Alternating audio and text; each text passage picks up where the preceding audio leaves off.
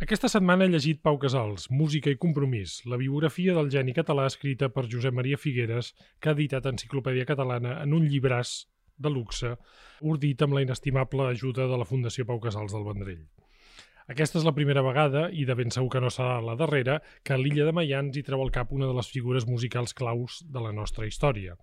Pau Casals, no us vaig a dir, un dels violoncelistes més extraordinaris de tota la història de la música i un personatge senyera a l'hora d'explicar la Catalunya del segle XX. Com passa amb la majoria dels nostres homes i dones referents, a Catalunya sempre acabem folcloritzant i estrafent una mica els personatges. De Casals, qualsevol principatí en coneix aquell famós discurs, ja ho sabeu, I am a Catalan i etc. Però diria que aquella imatge d'un músic ja vell, un poc sentimental, sovint ha distorsionat la dimensió d'una història individual intransferible que és ben poc catalana.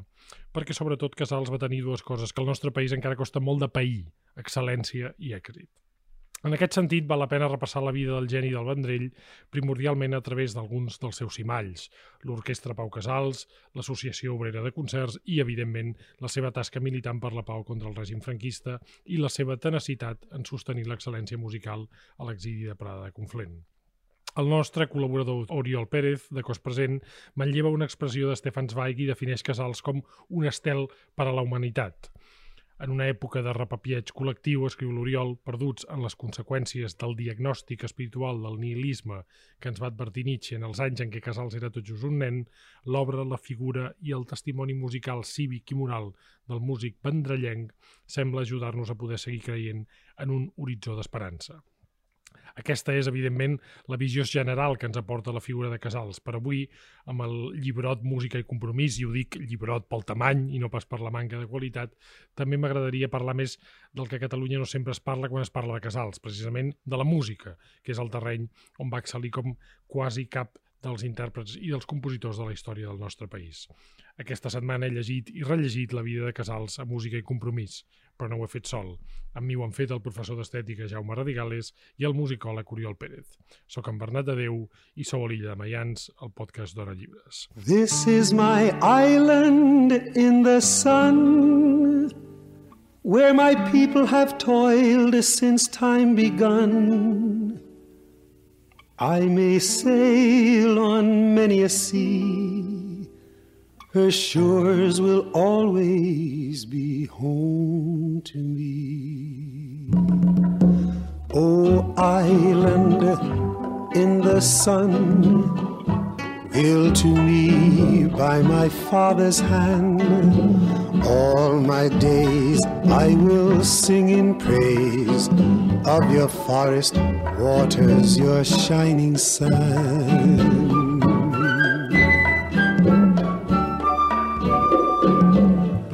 Radigales, com estem? Bon Bé, dia, bona vostè? tarda, bona nit. Molt bé, content de veure't aquí, Oriol. Igualment. Benvingut de nou. Us, em fa molta il·lusió veure-us perquè parlem massa poc de llibres de música, però avui parlarem d'un, abans ho deia, d'un llibràs, d'un llibrot, Mhm. eh, d'aquells llibres que dissortadament molta gent faria servir per, per falcar taules, però que fins i tot haurien de falcar vigues, perquè estem parlant d'un volum, abans, abans que res hem d'advertir als nostres lectors, molt gran. És un 40 llibre- per 30. Eh, L'has mesurat? mesurat, mesurat. Així m'agrada, així m'agrada, que facis els deures. Un llibre visualment també molt atractiu perquè té, té, molt, té moltes fotografies i per tant felicitem, fora bromes, enciclopèdia per al risc editorial perquè no, no és fàcil. Però no ens agradaria que aquest fos d'allò que abans se'n deia d'una manera una mica cursi, un llibre regal, eh, d'aquells que es posen de l'editorial Taschen, que es posen a, a les cases per quedar bé i, i que no es llegeixen, per, perquè els llibres s'han de llegir. Eh, Coneixem molt, Oriol, segurament la, la, la tasca política, la tasca, podríem dir, nacionalista o patriòtica de, de Casals, però jo crec que aquest eh, llibre és un bon moment per reivindicar una mica el que tu dius, no? El- aquesta figura estel·lar, sobretot un intèrpret que hem de reivindicar com a, més que com a compositor, que va tenir alguna incursió però més, més mediocre, com un dels grans intèrprets de la música del segle XX, no només del violoncel. Sí, sí, total i absolutament, i sobretot doncs, una mica de fugir d'aquesta cosa que ja més, més o menys comentaves, no? És a dir, jo crec que l'imaginari, la figura Casals és l'I am Catalan, i de ser el suposat creador de l'himne fúnebre català, que és el cant dels ocells, Que aclarim, Que és- que aclarim per cert, que és una Nadala. que és una Nadala, Del segle XVIII, a més a del segle XVIII. Per tant, ja la, la cosa és bastant... Sí, sí, és de l'Iran, és de l'Iran. I clar, quan tu te'n dones compte doncs, que Casals porta la dignificació de l'instrument del violoncel, com segurament doncs, abans pocs intèrprets, possiblement qui ho havia fet més havia sigut Offenbach, que li deien el lis del violoncel. Vaja, és el que porta doncs, que tot el gran estol, tots els grans solistes que avui en dia puguem imaginar, jo que sé, Capusson, que demà un d'aquests el vam escoltar, etc etc, mm. és gràcies a Casals. Per tant, doncs aquí ja hi ha una primera, un primer binomi que aconseguim entre l'instrument del violoncel mm. i Pau Casals. Mm. Una de les coses que sorprèn en la biografia de Casals, Jaume, és eh, vaja, que un músic triï el violoncel. És a dir, en un moment on hi ha escoles a Catalunya importants d'instrument, com pot ser l'Escola Marçal de Piano, mm. eh, hi ha una... Fins i tot recordo que el, que al Museu Pau Casals hi ha el primer violoncel que va tenir, que va tenir sí, en Pau Casals, que és una carbasseta amb un pal sí, que li sí. va fer son pare. Sí, sí. Per tant, estem parlant d'un d'aquells moments curiosos de la història de la humanitat en què, no sé si Déu Nostre Senyor o la natura escull una persona i li diu tu has de tocar el violoncel, perquè és molt, molt curiós aquesta, aquesta vocació. Sí, sí, i a més, clar, en un moment en el que, com bé deia l'Oriol, clar, eh, potser Offenbach és l'únic que tenia una tècnica de violoncel més propera o més procliu al que seria la tècnica de concert, com avui la coneixem, i, i que en aquell moment, quan Pau Casals decideix estudiar el violoncel, eh, el violoncel es toca d'una manera molt malament, i llavors ell és el que justament eh, té aquest so expansiu a través de tot el moviment del, del, del braç dret, de l'arc, que arriba fins al final i que dona aquest so sinfònic a, a un sol instrument que per naturalesa té un so més aviat opac, no? I ell li dona una brillantor extraordinària i tampoc hem d'oblidar doncs, el seu pas per, la, per Madrid, amb aquella beca que li concedeix la reina, després hi ha uh -huh. el seu pas per, per Bèlgica on fins i tot és, és humiliat a les seves primeres classes, per tant és un home al que li va costar molt obrir-se camí fins a arribar a ser el que va ser. I no oblidem tampoc una altra cosa molt important i és que en la seva més tendra adolescència o pubertat, en una llibreria de vell del carrer, crec que és el carrer Ample de Barcelona, eh, descobreix allò aquella cosa que són les que després coneixerem com les famoses uh, suites, les sis suites per a violoncel de Johann Sebastian Bach, que ell comença a estudiar, a estudiar, a estudiar i que no comença a tocar en públic fins al cap de ben bé, no sé si 15 o 20 anys després d'haver-les descobert i les, les, les va estudiant fins que les comença a tocar en públic. Per tant, és un pioner en tots els sentits. Per tant, mm. més enllà d'aquest mm. concepte una mica que se'm perdoni l'expressió, eh, folclòric sí, sí. del mestre Pau Casals i tota aquesta dimensió doncs, lligada al nacionalisme, la, la, el símbol de la resistència franquista, que hi és que hi, i que se n'ha de parlar perquè, a més a més, és un dels músics amb una coherència absoluta en sí. el moment en què diu I una, no... I una militància tremenda, Exacte. i a més a més que s'hi va deixar molts diners, Casals, Exacte. perquè hi ha molta fet... gent que va fer militància però no, Clar, no deixant-s'hi la pell. I, I quan ell a Prada finalment toca perquè es munten els festivals és perquè si la muntanya no va a Mahoma, Mahoma va a la muntanya o viceversa. És a dir, són els músics que diuen, mira tio, has de... és el 250 aniversari de, del naixement de Bach o de la mort de Bach, no me'n recordo què és. Mort de Bach, 250, del, 200 anys. Exacte, 300 anys, no? i que no, no, 200 anys, perdó, 250. el bicentenari, exacte, i que li diuen, doncs, escolta, et muntarem a tu un festival al teu entorn, i ja està, però tu has de, has de tornar a tocar, mm -hmm. per tant és un home d'una coherència mm, capdalt fins al final, però més enllà d'això, evidentment, hi ha aquesta dimensió de gran intèrpret i també, eh, deixant de banda, sí, potser el seu pas per la composició és més anecdòtic, uh -huh. però tampoc hem d'oblidar la tasca eh, cívica i artística a la Barcelona dels anys 20 amb la fundació de l'Orquestra Pau Casals, objecte, per cert, d'una exposició al, al Museu de la Música que no sé si s'ha acabat, però que hem pogut veure i en el que personalment doncs, he de dir que m'hi he reconegut perquè he vist el meu besavi, que era mestre precisament de flauta d'aquesta orquestra, i que sempre, jo el meu besavi no el vaig conèixer, però evidentment me n'han parlat molt d'ell i del que deia del, del, de Pau Casals i li va tenir una mm. devoció fins al final per com de bé tractava els seus músics uh -huh. i com els exigia, que era d'una gran exigència. I va crear un model d'orquestra moderna, en el pas sentit del terme, tant pel que fa al repertori i la programació, com també el règim purament, eh, si vols, eh, sí, laboral. Sí, sí. És a dir, tots els músics havien d'anar a tots els assajos, tots cobraven a final de mes una nòmina i, a més a més, molts ells també després de la de l'exili o durant l'exili d'en Casals varen seguir rebent de Casals mm. ajuts econòmics, materials diversos. Ara, Oriol, el, el, el Jaume comentava un dels highlights, una de les coses per les quals és mitificat, diria jo, a Pau Casals, que és aquesta descoberta de les... No descoberta, perquè ja estaven descobertes, eh, de, de les sis suites per a, per a violoncel i, a sol eh, de, de Sol, perquè hi havia uns sí. arranjaments per piano, em sembla. Exacte. Eh, eh, pels eh, nostres oients que no siguin melòmens, per què és tan important aquesta, aquesta bíblia del, del violoncel? Que en aquell moment no ho era, perquè de fet era una... alguns xelistes les utilitzaven com a eina d'estudi, com a Mm. artifici tècnic. Eh, per què és tan important això que fa Casals? Per, per algú que ens, que ens estigui escoltant i digui, "Però, escolta, potser no n'hi ha per tant. Què tenen aquestes obres que són tan importants? Quan Bach està en un moment donat a, a Ketten, doncs simplement viu una, un episodi biogràfic molt bèstia, que és que Bach no, només va sortir d'Alemanya, del territori germànic, Mhm. dues vegades per anar a, a Txèquia, a Bohèmia. Mm. I en una es va tornar que quan va tornar hi havia la dona enterrada i amb tres eh, orfes. Mm. I després ell va dedicar-se a compondre unes peces només per instruments, sobretot per partites per a violí sol, i entre les quals també sembla que hi ha aquestes obres per a violoncel sol. I és com amb un sol instrument es pot crear tot un teixit polifònic, es pot crear tota una obra musical, la qual esdevé una referència, com ho pot ser, doncs jo que sé, la sonata opus 11 en fa sostingut menor de Schumann per als pianistes. Mhm. Però clar, feia falta que algú li donés la dignitat, no pas d'exercici pedagògic, Exacte. que alguna L'entitat musical. L'entitat musical. I això és el que va fer Casals. I ho va fer molta co coherència i consciència, ho ha dit molt bé el Jaume, els anys que va tardar en tocar-les en públic, però ja no diguem en, en enregistrar-les, que ho fa quan té 60 anys, Sí, sí. i en plena guerra civil, A París. que talment a París, París i Londres, entre dues. Per tant, jo penso de que segurament aquest repertori que avui en dia, aquestes sí que les podem trobar fàcilment, gràcies a Déu, en les nostres programacions, doncs sense aquesta contribució de Casals no sé què hagués pogut passar, però hi ha hagut una mitificació.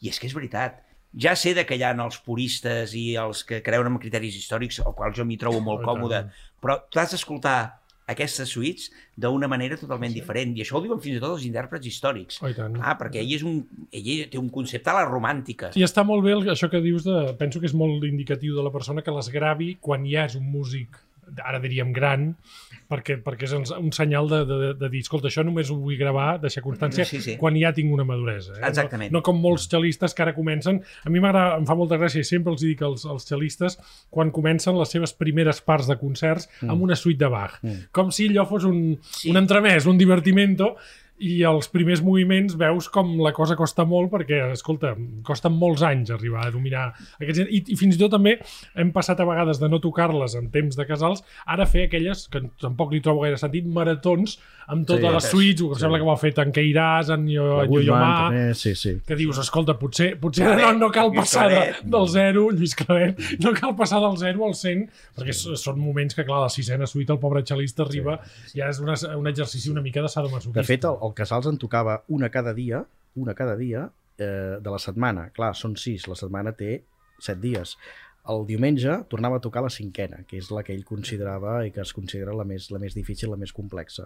Sí, sí, el dia de descans tocava la Exacte. cinquena, té gràcia, eh? tant, cada dia tocava una de les I va que abans de començar el dia feia sempre un parell de preludios i fugues del clar ben temprat, Mm. perquè tocava molt bé el piano. Mm. És dir, Sí. això. Sí, sí. Mm, És que el del violoncel és una de les coses que sí que m'hi he trobat, perquè bé, en aquest llibre ja sabeu de que hi, hi fa una part Uh -huh. dedicada precisament, i és de que el del violoncel, ell era una cosa que... eh, Ell patia molt, ell tenia pànic escènic. Sí. I de fet això de tocar en públic, tot i que va tocar molt i va fer molts concerts, ho patia molt, i això m'ha dit la, la Martita, la Marta, senyora Marta Casals, que és veritat, tenia... I clar, el fet de Va poder... fer un accident també, eh? que li, una vegada li va saltar l'arc, em Sí, sembla. Sí, sí. dir- Aquesta, aquesta és una gran lliçó, perquè em sembla que això va ser un concert a Viena, No no sé, si no no recordo recordo. malament, i a mi m'havien explicat l'anècdota, que, és, que és molt bona, perquè a més a més s'explica molt bé com és el, el, el públic alemany, o en aquest cas austríac. Es veu que ell debutava, no sé si era Viena o Berlín, i estava, això que tu deies, uh, Oriol, tan nerviós que al primer atac del concert l'arc se li va anar a la primera fila, i això, que en un auditori mediterrani causaria, vam, causaria una autèntica, una autèntic Xirigota. cachondeo, diríem ara, es veu que va, es va provocar un silenci absolut, va haver-hi un senyor que, de la primera fila que va agafar l'arc, li va dir Herr Professor, li va donar l'arc, ja va començar i ell llavors va, va, explicava com ell llavors va dir bé, estic en un entorn Sí. sí. poc, poc exigent Sí, però sí. civilitzat, no? I això, i això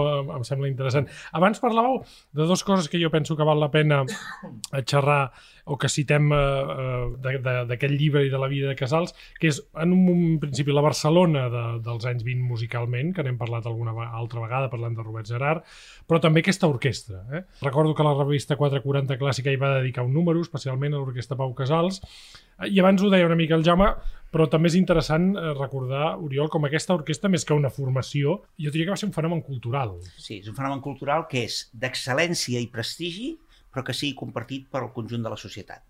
És a dir, el gran ideal de Casals és que la màxima riquesa que es pot emportar una persona pel seu pas per la vida no és el compte corrent de la seva llibreta o dels diners que cobri, sinó la riquesa humanística i per tant els treballadors havien d'escoltar el gran capital artístic, musical dels grans compositors que havien hagut. I per això l'articulació a través de l'Associació Obrera de, Concerts, sí, sí. que va tenir, ni més ni menys en algun moment donat, fins a 300.000 afiliats. És, és una animalada, eh? Sí. Ho, ho penses ara sí, sí. i mires la nostra dissortada vida concertística i penses, hosti, és una animalada. És, una animalada. és, és, que és molta, sí, sí. és molta gent i gent que anava a escoltar. Jo, de tant en tant, quan el, uh, via Twitter, el Palau de la Música o el Liceu fan allò que per, segurament per cada vegada de posar els seus programes antics penso, quina enveja aquells moments, perquè hi havia programes amb música contemporània, sí, sí. o fins i tot amb música, ara diríem antiga, uh Mhm. -huh. que l'anaven a escoltar la gent més desfavorida de Barcelona d'una manera massiva, i penso, quin, quina Barcelona? I tenint en compte la, la, clar, la densitat de població de Barcelona d'aquell moment, que era, bueno, no sé quants habitants hi havia a Barcelona, però mm, ni de bon tros arribarien al, al milió de persones. Per tant, és un tant per cent extraordinàriament alt. Per tant, com deies, una aposta ètica i una, i una aposta també eh, personal de, de Casals. I què és això el que al final t'acaba eh, enamorant Casals? És a dir, tu sempre pots pensar, ho dic sincerament, eh? A mi sempre Casals una mica m'havia vingut marcat precisament Sí, sí. per aquesta idea, no? I am Catalan i no sé què. Però quan, va, veus al darrere del terreny musical, Sí. i és això el que s'hauria de posar en valor. Sí. I jo penso que el Per, per volum... això et parlava, perdona, abans, Oriol, aquesta cosa que, tan catalana de només celebrar la llàgrima, aquesta cosa Clar. del cant dels ocells, del funeral. Sí. Ja sabem que la tribu és especialista en celebrar derrotes, i a més a més en tenim unes quantes per celebrar algunes de molt I espera't, recents. i espera't. En vindran. I espera't, si, algú, si algú té intranquil·litat, no es preocupin, que té pinta, té pinta Sí, sí. que això va a la Sí. llarga, perquè la, la generació de polítics que tenim ens assegura una, vaja, un, un disfrute, que dirien ara els, els joves importants, però, però clar, sobretot, a mi em molestava aquesta imatge perquè la que vaig començar a interessar-me per Casals és pensar, escolta, no, però si aquesta és una història que com a país l'haurien de reivindicar d'èxit. Hi ha una cosa que em va enfadar molt, que és quan va fer, ara no recordo el, el director, quan es va fer una pel·lícula de Casals que interpretava Joan Pere, que Ah, sí. veiem eh, aquesta imatge que es va passar per TV3 en horari de màxima audiència, cosa que se'l vaig celebrar, però era aquesta imatge eh, del Casals ja gran, el, a més amb un actor com Joan Pere, allò, eh, aquella cosa que repapiejava, i jo pensava, hosti, però si estem davant d'un dels catalans que ha tingut més trampera, més ingeni. Tu escoltes les masterclasses que ell feia de gran Mm. i vaja, està amb alumnes de 20 anys Sí. i ell té, i ell té 70 vegades més energia que els altres. No? Bueno, tanta energia que fins i tot, doncs, bueno, quan ell tenia 80 anys es casa amb Marta Casals, que en té 20-21. Mm. Sí, una diferència de 60 anys. Això ja et diu la vitalitat i l'entusiasme que desprenia. És a dir, és una cosa extraordinària. I de vegades que moltes vegades ens queixem de com va el rumb de tota la vida musical, doncs a mi aquí m'agradaria dir que aquest llibre, a part del fruit de la investigació excel·lent de Josep Maria Figueres, que posa al descobert doncs, com Casals era el personatge que més s'entrevistava a l'exili, Mm. de, tot el, de tots els que hi havien a l'exili, Casals Mm. era la figura, que això va ser una cosa doncs, de que ell no tenia, i això és el que el va començar a fascinar. És la tasca que està fent la Fundació Pau Casals amb la direcció del Jordi Pardo. Mhm. És a dir, li ha donat un canvi de rumb. Correcte. Sí, sí, i i, això- i és lloable. I això és lloable, perquè sempre que ens queixem, doncs dir no, quan unes coses fan bé, fan bé. I aquí doncs, sí que Sí. m'agradaria doncs, dir-ho perquè és veritat. És a dir, fa pocs dies vam celebrar doncs, la jornada de Casals amb un un concert de Gautier Capusson, hi ha tota una sèrie de... És a dir, veus tota una cosa. O de vegades que ens queixem tant de les programacions dels festivals. Doncs bé, el petit Festival Pau Casals Sí. té un relat, té una cosa intrínseca perquè Si un més no, hi ha un una director, intenció. Hi ha un director que és el Sí. Bernat Mellat i sap, fa, sap el que fa bé les coses. Per tant, en aquest moment sí que és veritat que el nom de Pau Casals està ben auspiciat i Mm. ben guardat i ben, ben curat. I deixa'm dir una cosa respecte al que deies de, del llibre i, i la, la part, diguem, que es correspon amb la part d'historiador que l'ha fet en Josep Maria Figueres, i és que descobrim aquí una, un aspecte que jo desconeixia completament, que és que Pau Casals era molt molest al règim, més del que ens podíem arribar a imaginar, fins al punt que hi havia una autèntica obsessió per mm, espiar-lo. És a dir, hi ha tota una operació del cos Sí. diplomàtic per espiar Casals. I una altra cosa que també m'ha mm, sorprès molt desagradablement del, del, llegint el text del Josep Maria Figueres és el menyspreu que fins i tot músics col·legues de Pau Casals mostraven cap al que ells anomenaven un martirologio. Me'n recordo hi ha unes declaracions del José Iturbi, que era compositor i director d'orquestra i pianista, que deia això, no? que es deixi estar el Casals a tanto martirologio i tant, tanta conya, per aquí estem tots aquí treballant com un mes, doncs que, que vingui aquí, que treballi per a Espanya, tal. És a dir, hi ha com una mena de menyspreu cap a la seva actitud cívica de, de l'exili. Sí, sí. Però al mateix temps, clar, al règim li preocupava moltíssim que, que en Casals fos una persona que tenia contacte amb polítics, amb artistes, Sí, sí. Era, un, art- era un home que era amic de Gold- Golda Meir, amic de Charles Chaplin, amic de l'Einstein, clar, diguem que escudejava amb la, la, la intel·ligència, en el bon sentit del terme, d'aquell moment. I això, evidentment, que el règim li devia mm, fer molt de mal. I per altra banda, clar, també intentaven fer-li la pilota, li varen donar un passaport perquè tornés, perquè el Casals es va mantenir, només va tornar, em sembla, per enterrar la seva la seva dona, em sembla, no? que va morir a, a Prada i la va endur aquí a enterrar al Vendrell i, i prou, vull dir que és un home que va mantenir aquest compromís fins al final. I veure això, no? com, com el règim li, li cuia per totes bandes la transcendència que tenia Casals i la incidència que tenia Casals i la influència que tenia Casals arreu on anava. Perquè era, era mala propaganda pel règim, bé, la clar. influència, clar. Ell, com tants, com el mateix Gerard i com tants dels exiliats, tothom creia que amb el triomf dels aliats Ah, s'enderrocava Sí, esclar, aquest esclar. bunyol Sí, sí. feixista de, del franquisme. Sí, sí. I clar, Doncs quina va la- ser la sorpresa de dir no, que era una estratègia doncs, de tenir unes bases americanes, i bueno, ja sabem la història, no? Sí, I ell va dir, perfecte, jo ara deixo de tocar.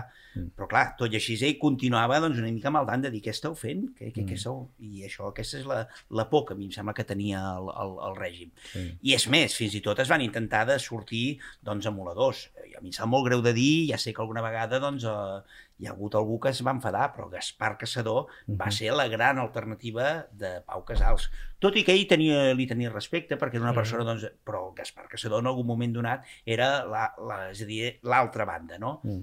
De vegades fins i tot ara es fa un homenatge a Cas- a Casals i es posa música de caçador, cosa que Mhm. ja, dius, ja, ja no entenem res, sí, no? Però bueno, sí, però la, tot la, cas. la rigorositat musicològica no. dels homenatges no sempre, no sempre és bona. En qualsevol cas, com us deia, aquest és un llibre molt, molt substanciós, molt gran, però que també té molta documentació i que val, val molt la pena. Jo també volia reivindicar, eh, i abans en parlàvem, Jaume, i vull que ens doneu també una, una petita nota, no només d'aquest moment brutal de l'orquestra, sinó d'aquest moment brutal de la Barcelona dels anys 20-30 a nivell musical. Jo diria que quan es parla també de l'exili i quan es parla de l'impacte que la Guerra Civil va tenir, a la, per exemple, a la literatura catalana és claríssim. No? Es parla fins i tot, a vegades s'ha magnificat molt la, la, la vida dels nostres escriptors a l'exili. Algunes van ser més fàcils o més difícils que d'altres, però tothom en el seu imaginari té molt clar que hi va haver-hi un exili de, de, nostres autors a Mèxic, per exemple, o a França, etc etc. Però amb la música es veu poc. Quan, de fet, jo penso que la gran ferida eh, del franquisme a la cultura es produeix justament en la música, en els moments que Barcelona era una autèntica capital mundial de- de- d'excel·lència. No? Mhm. Mira, jo només penso una cosa. Quan l'any 36, amb pocs dies de diferència, es fa la primera audició en temps moderns, és a dir, que des de l'època no es feia, a través del Club Júnior, en el, a dins del... Club de futbol. Club de Futbol Júnior de Sant Cugat, dins del que era el, el Congrés Internacional de Musicologia, Uh -huh. es restrena La cosa rara de Vicent Martínez Soler i em sembla que és un dia abans o després s'estrena el concert a la memòria d'un àngel d'Alban Berg. Mm. Això passa a Barcelona. Mhm. O sigui, la restrena d'un gran compositor citat per Mozart, Martínez Soler, Sí, tant. i el cas de l'estrena d'una gran obra de la música del segle XX. Clar, era aquesta centralitat que tu deies molt bé, Bernat. És a dir, mm, no sé si a la capital mundial, però sí una de les capitals europees. Hi havia París, hi havia Sí, sí, sí. Berlín, hi havia Viena, i evidentment també hi havia el que I estava a més a més, a perdona, una, una, una capitalitat que no només és de, de compositors, sinó també d'intèrprets i també d'una manera revolucionària, ara ara en parlàveu, de tenir el públic eh, musical. La idea d'una societat de concerts, amb, insisteixo, amb 300.000 persones avui en dia, ens sembla, Sí. vaja, ens Hi sembla havia de, engarrotades de per agafar entrades, Sí, sí. evidentment. I, I clar, eh, l'Orquestra Pau Casals, l'Orquestra Pau Casals sempre va tocar a Barcelona, fora d'algunes ciutats. Va a París va per les tocar, Olimpíades, Va tocar sí. A, a, a París per l'Olimpíada Les Cultural del Olimpíades. 24 Mm. i una vegada que va anar també al Festival Chopin de Vall de Mosa. Mhm. Només va sortir. De fet, algunes ciutats. Evidentment, Manresa no. Això també cal dir-ho perquè, clar, no, vull dir, per El Bages exemple, sempre ha estat el, gran sempre- damnificat Però cal de la dir- cultura cal, catalana. Sí, però cal dir que el projecte de la Mot de Grinyon de l'Orquestra Simfònica de Barcelona, el primer concert de tot de tot es va fer justament a Manresa. Bueno, una mica per, també per Bueno, compensar. això també po- podries fer-ne algun homenatge o alguna... Hi ha, hi, ha homenatge. gent que, hi ha gent que d'això en pot fer una exposició, Ui, sí, sí, exacte. un comissariat, Sí, un comissariat. i cobrar-se i cobrar-se la gust. I deixeu-me- Bueno, de, sobre els comissariats de... Bueno, millor deixem-ho. Hi ha una figura com és Conxita Badia, que és una dona que d'òpera pràcticament no en fa, que es dedica a fer oratori i lit i que estrena moltes d'aquestes obres d'aquests uh, autors uh, contemporanis i és una de les lluminàries de, de l'època. i les idolatrada figu- per Schoenberg, que deia Absolutament. que, que tenia que vaja, una veu després privilegiada. mestre, de la Montserrat Cavallers, que l'adorava, etc etc. però vull dir que és una de les figures crucials també per entendre, i una mica la comparo, Oriol, tu que vas conèixer molt bé el mestre Esquadreny i el seu cercle, el que seria l'Anna Ricci. Oh, i. Exacte, és dir, l'Anna Ricci de l'època seria una mica la Conxita Badia, no? Sí. aquesta dona valenta que, que, bueno, que aposta per un repertori i que fins i tot això, no? el mateix Schoenberg en aquell epistolari del que vam parlar aquell dia amb Robert Gerard en diu autèntiques meravelles. És un moment de... de Sí, Anna Ricci, de que també va qualitat. treballar molt amb, amb Joan Brossa, Sí, i perquè tant, i va, tant, va, clar, va, clar, va, tot va, va, va, entorn, amb Carles sí. Santos, i per tant... Mira, parlant, parlant de Bach, Santos també cada dia tocava un preludi i una Sí, fuga de Bach deia, del clar ho deia. interpretat. Cada dia abans d'anar a pescar eh, Sí. I té, tocava... un, I té un espectacle sobre Bach. L'Antena Tenia una que es diu Allò és Imperial, que és una de les Allà- coses més bèsties que he vist jo. I que va entendre. Bach, perquè Sí. hi ha una altra famosa pel·lícula d'un famós cineasta que feia un suquet de El peix. silenci abans de Bach, Sí, potser sí, que em sembla que el Bach el va entendre M'ha poc. agradat molt això de que feia un suquet de Feia un peix. suquet de peix, sí. Sí, home, que de què és? Que- que- Em sembla que és així. No, però veus, ara que deies també la figura de Santos, eh, potser extrapolo una mica, eh, però són aquestes figures senyeres de la Oh, nostra cultura, no, no de la nostra música, de la nostra cultura, que marquen un abans i un després. I són figures que arrisquen, són figures que provoquen, són figures que trenquen, i, ostres, són aquelles mm, persones, personalitats úniques en, en un moment en què la letargia cultural que vivim de fa uns quants anys ens els fa enyorar molt Sí. i molt i molt i molt. I una de les coses que sempre hem denunciat quan parlem de música és que a vegades tendim a veure la nostra història cultural com un conjunt de, de moments estel·lars, però que les coses també tenen una certa continuïtat. Hem parlat de Conxita Badia, parlem d'Anna Ricci, hi ha una cantant que ara està fent una carrera que a mi m'interessa molt, que és la Maria Hinojosa, que tu coneixes Mhm. bé, Mhm. que està fent moltes coses del te de teatre amb el Xavier Albertí, Sí, que sí. està fent algunes coses meravelloses que per mi fan honor a una tradició que quan grates dius no, no, és que, les, coses, és que les coses tenen un sentit, Clar. mai no apareixen els, els bolets eh, per si, i que són coses que s'han de mantenir i que quan veus, eh, quan veus els, amb llibres com aquests els, el, el per què de les coses Mhm. fan que la història al final expliqui el present, que és el que Clar, és que hauria són de ser. artistes globals, complets, una mica també el que, el que era Casals, que és un home que era compositor, que era intèrpret, que era director d'orquestra, evidentment Casals mai va ser un abanderat, diguem, de la, de la música d'avantguarda, però, ostres, és un home que tenia un polifacetisme que el convertia en un gran artista global, i és una mica les figures que, que ara acabem de comentar, la Ricci, la Hinojosa, la, la, el Santos, són aquesta gent, músics globals, músics Sí, sí. integrals, artistes, en I de definitiva. fet, a part de la música, de la creació, o de la producció, diríem, ha d'anar acompanyat també doncs, de tot l'aparell, de tot el sistema, que volen llibres com aquest, però també programes com esteu fent. Mhm. És a, perquè és veritat, perquè si no, on se'n parla? A la radiocomunicació pública? Mm. Això és gairebé, seria més fàcil parlar d'ufologia Mm. o de curacions xamàniques, amb tot el respecte a dues disciplines que m'interessen, que no pas de- d'això. Per tant, doncs, no ho sé, mm, Per això, celebrar-ho. per, per això li vaig posar Illa de Mayans en aquest, en aquest programa, perquè és una illa, a més a més, és una illa molt particular que, que el Molt Quim Monzó, eh? molt monzoniana, va- ho vaig fent per mi monzoniana, eh? cal dir-ho, jo respecto el copyright, i és una illa que a més de tant en tant apareixia i desapareixia, perquè, i per tant, com la música a Catalunya, per desgràcia, però, però sí, teniu, teniu raó, vaja, i, i m'enorgulleixo que aquest programa faci, faci llibres sobre música. Jo us agraeixo molt que n'haguem parlat aquí a l'illa de Mayans, Jaume Oriol, i fins al proper llibre de música. Sí, de bo, Molt bé, gràcies. gràcies.